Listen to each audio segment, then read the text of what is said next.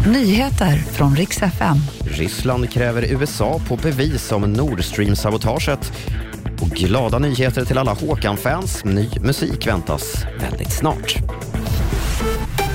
Morgon. Ryssland vill ha bevis från USA på att det inte var de som låg bakom sabotaget av gasledningarna Nord Stream. Det säger den ryska ambassaden i USA, rapporterar Reuters. Moskva betraktar förstörelsen av ledningarna i september som ett internationellt terrordåd, säger man tänker inte låta det sopas under mattan. Utrikesminister Sergej Lavrov nämner också Sveriges och Danmarks roll i det hela. I Turkiet har ytterligare överlevande, en kvinna och hennes två barn, grävts fram ur rasmassorna. Det här efter 228 timmar eller drygt nio dygn efter jordskalven. Nyhetsbyrån Anadolu skriver att en räddningsarbetare höll kvinnan i handen under insatsen hon ska ha bett om vatten att dricka och frågat vilken dag det är. Mer än 40 000 människor har hittills bekräftats döda i katastrofen.